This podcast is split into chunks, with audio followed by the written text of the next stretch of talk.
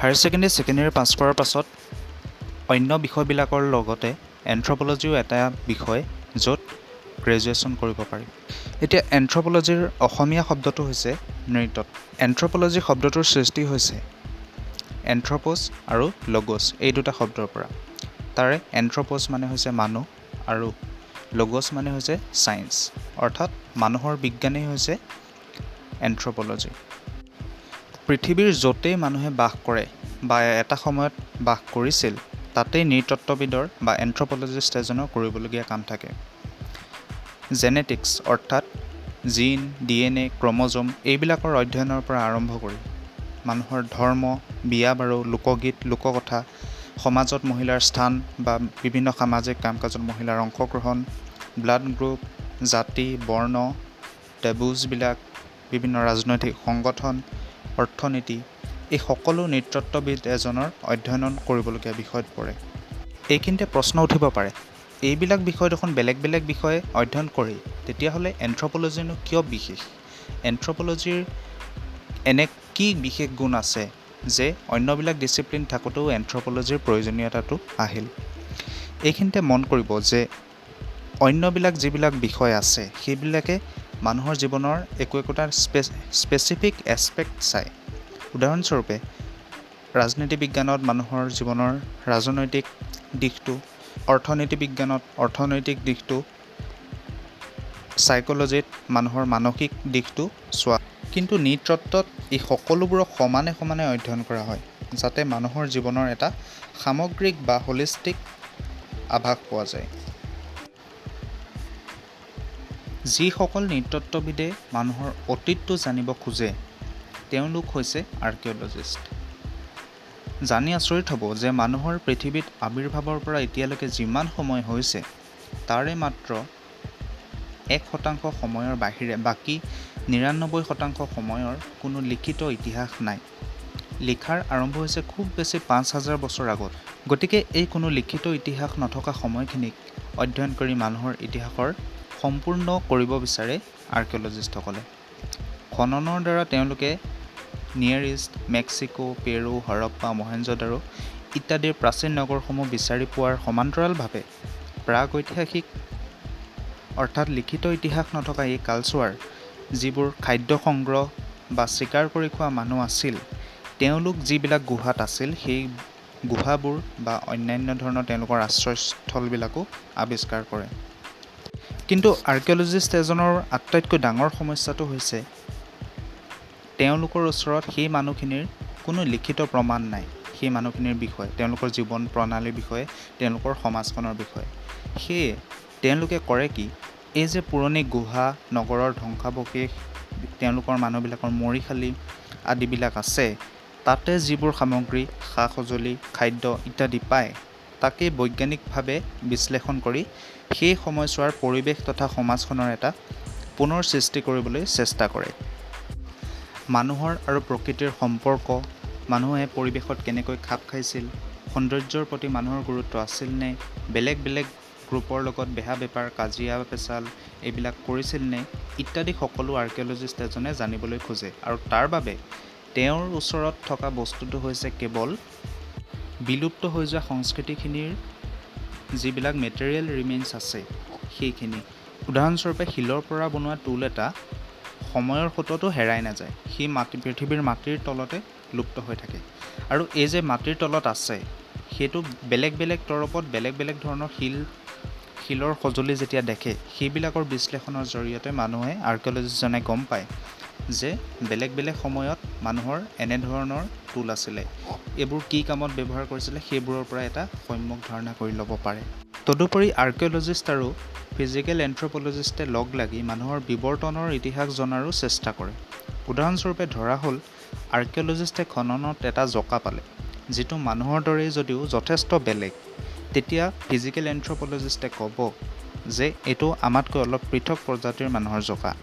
এইটো হোম'চেপিয়েন্সৰ নহয় নিয়েণ্ডাৰথেল মানুহৰ জকা এইখিনিতে প্ৰশ্ন উঠিব পাৰে নৃতত্ত্ববিদসকলে কেৱল মানুহৰ অতীতটোকে জানিবলৈ চেষ্টা কৰে নেকি? নহয়। এইদৰে নৃতত্ত্ববিদসকল কেৱল অতীতটো জনাৰ চেষ্টা নকৰে বৰঞ্চ বৰ্তমানৰ পৃথিৱীত থকা মানুহবিলাকৰো অধ্যয়ন কৰে। এনে নৃতত্ত্ববিদসকলক এথন'লজিষ্ট বা ছ'চিয়েল এন্থ্ৰপ'লজিষ্ট বা কালচাৰেল এন্থ্ৰপ'লজিষ্ট বুলি কোৱা হয়। দেশভেদে নামবোৰ বেলেগ বেলেগ হ'ব পাৰে। তেওঁলোক বৰ্তমান সময়ছোৱাত পৃথিৱীত যিখিনি জীৱিত মানৱ গোষ্ঠীবিলাক আছে তেওঁলোকৰ জীৱন প্ৰণালী যেনে জন্ম সমাজৰ সদস্য হ'বলৈ কেনেকৈ শিকে কেনেকৈ জীৱনসংগী নিৰ্বাচন কৰে কেনেকৈ বিয়া পাতে কিদৰে উপাৰ্জন কৰে সমাজত আন মানুহৰ লগত সম্পৰ্ক কেনেদৰে মেইনটেইন কৰে এই গোটেইখিনি কথাৰ অধ্যয়ন কৰে। তাৰ বাবে তেওঁলোকে অৰ্থাৎ ছ'চিয়েল এন্থ্ৰপ'লজিষ্টসকলে অতি দুৰ্গম অঞ্চলবোৰতো গৈ মানুহৰ লগত থাকেগৈ।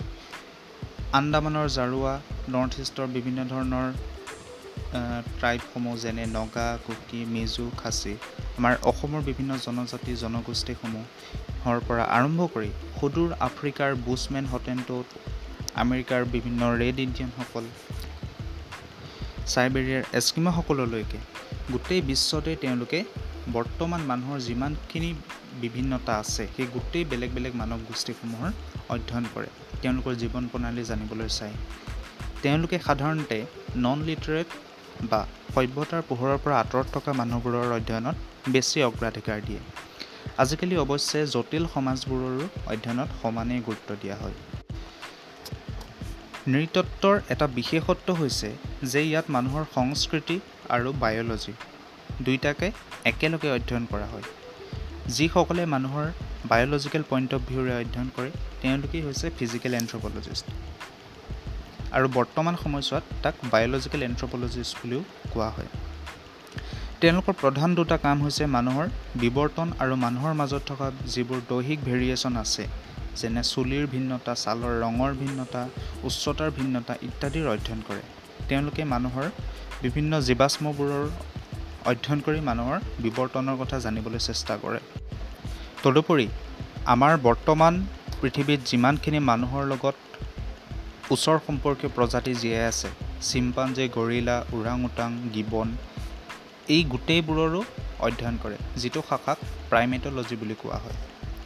এগৰাকী বিখ্যাত প্ৰাইমেটলজিষ্ট হৈছে ডক্টৰ জেন গডাল তেওঁ তেওঁৰ বিষয়ে যদি গুগলত ছাৰ্চ কৰে সুন্দৰকৈ পাব বা তেওঁৰ ওপৰত মই ভিডিঅ' বনাই থৈছোঁ সেইটো আপোনালোকে চাব পাৰে।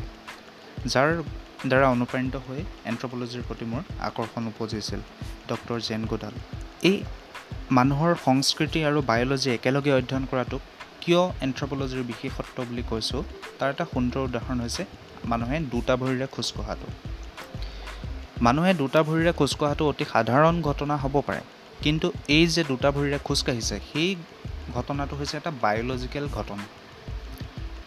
কিন্তু এই যে দুটা ভৰিৰে খোজকাঢ়িব পাৰিলে মানুহে লগে লগে হ'ল কি মানুহৰ হাত দুখন ফ্ৰী হৈ গ'ল।